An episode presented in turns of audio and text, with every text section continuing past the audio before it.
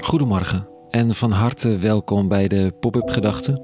Ik ben Rico en ik schrijf overwegingen om de dag mee te beginnen. Vandaag met de titel Eenvoud. Pop-up Gedachten dinsdag 21 februari 2023.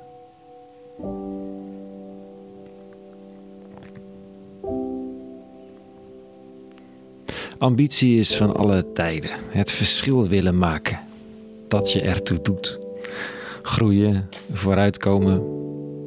Misschien zit je daar nu even niet, dat kan. Maar ergens steekt het wel weer de kop op. Of het heeft je aardig te pakken gehad in eerdere fases van je leven. Het hoort bij ons. Soms raken we er burn-out van. Soms raken we bore-out, zoals ze dat dan zeggen. Een soort van slopende verveling, als er te weinig ambitie is. Maar groei en doorgroeien is lang niet altijd gezond. Wie een moestuin heeft, die weet dat je sommige planten kort moet houden. Dat er seizoenen zijn waar er niets in groeit. Of dat er te veel planten op dezelfde plek met te veel ambitie proberen te groeien. Waardoor je er toch echt een aantal moet verplaatsen of verwijderen. Groei hoort bij ons, maar evenwicht is minstens zo belangrijk. Vandaag zijn de leerlingen van Jezus van Nazareth met elkaar in gesprek geweest. Jonge mannen met elk een eigen ambitie. Het gesprek is over de vraag wie er van hen nu mogelijk wel de belangrijkste is. Ik kan het me het gesprek nog niet zo heel goed voorstellen, maar de een zou kunnen wijzen op het moment van geroepen zijn. Dat je toch echt de eerste leerling was die erbij geroepen werd. Dat dit vast niet alles betekent, maar toch heus iets. En de ander dat het wel zo zou kunnen zijn, maar het maakt toch echt ook wel uit met hoeveel toewijding je aanwezig bent. Subtiel verwijzend naar het eigen vooraan zitten bij elk stuk onderricht dat er is. Ja, of gewoon de slimste te zijn dan wel de meest charismatische. Dan vraagt Jezus waar ze het over gehad hebben, onderweg. En ze schamen zich een beetje. En dan zegt hij onder andere dit zinnetje. Als iemand de eerste wil zijn, moet hij de laatste van allen en de dienaar van allen zijn.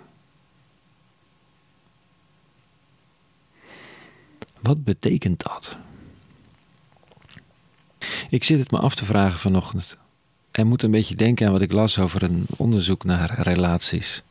Een onderzoeker had in een Love Lab, zoals hij dat noemt, wetenschappelijk onderzoek gedaan naar de houdbaarheid van liefdesrelaties met de vraag of dit ook wetenschappelijk te onderzoeken zou zijn.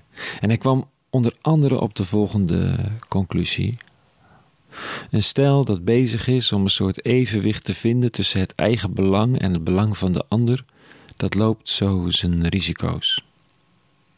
Als beide geen zin hebben in de schoonmaak, dus ze allebei zorgen dat ze net voldoende schoonmaken om de ander niet geheel ongelukkig te maken, maar wel zo weinig dat ze zelf niet het gevoel hebben de hele schoonmaak te doen, dat evenwicht zoeken is een kwetsbare verbinding. Maar mm, wat is het alternatief dan? Nou, de onderzoeker zag in zijn Love Lab ook stellen die intrinsiek gelukkig werden van het gelukkig zien van de ander. Die automatisch gingen stralen als ze de ander zagen stralen. Het gebeurde hen bijna onbewust. Er bestond niet meer zoiets als eigen belang of belang van de ander en de strijd daartussen. Voor dat moment in elk geval. Het was een bevrijdende gedachte, want wie nog bezig is het eigen belang veilig te stellen, zit in een lastige worsteling. Grenzen afbakenen, maar niet te veel. Of in deze tekst: Ik wil wel dienaar van anderen zijn, maar wie dient mij dan?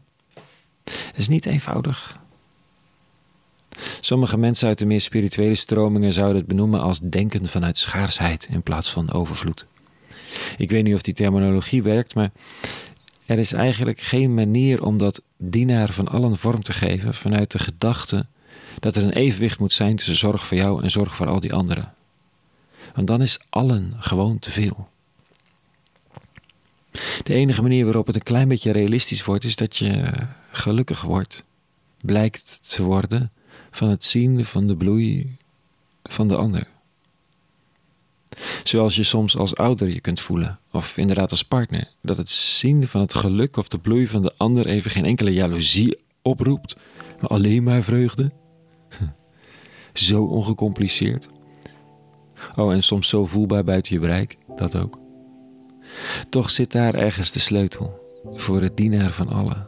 Op een duurzame manier gelukkig worden van het geluk van de ander. Een zelfgroeiend principe, een soort permacultuur. En dat begint altijd klein, ergens, met liefde. Tot zover. Even de gedachtenreis van vandaag. En niet af, dat klopt. En toch, een hele goede dinsdag gewenst. Meer pop-up gedachten te vinden op www.popupgedachten.nl. De muziek is zoals altijd van Alan Spiljak. Zoveel dank aan deze componist. En voor nu, vrede gewenst. En alle goeds.